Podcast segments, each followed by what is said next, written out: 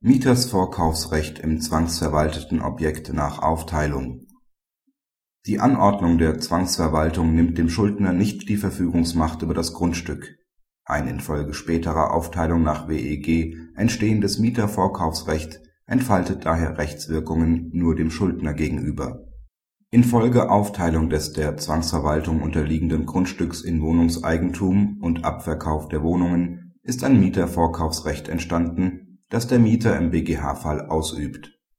Dennoch verweigert der Schuldner die Eigentumsübertragung an ihn. Dem auf ausstehende Miete klagenden Zwangsverwalter wird vom Mieter entgegengehalten, ihm stehe insofern ein Zurückbehaltungsrecht zu. Dem folgt der BGH nicht. Der Mieter kann wegen der ausbleibenden Eigentumsübertragung dem Zwangsverwalter gegenüber kein Zurückbehaltungsrecht an den Mieten geltend machen dem Mieter steht nach Vorkaufsrechtsausübung zwar ein Eigentumsverschaffungsanspruch gegen den Schuldner zu, denn die Verfügungsbefugnis über das Grundstück wird durch die Anordnung der Zwangsverwaltung nicht betroffen. Der Übereignungsanspruch richtet sich aber nicht gegen den Zwangsverwalter.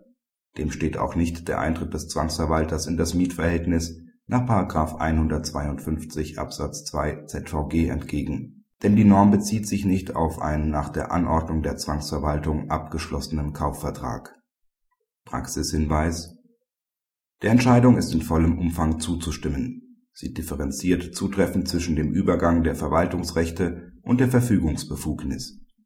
Die Zwangsverwaltung soll letztere nicht beeinträchtigen. Demzufolge sind daraus resultierende Rechte und Pflichten im Zwangsverwaltungsverfahren ohne Bedeutung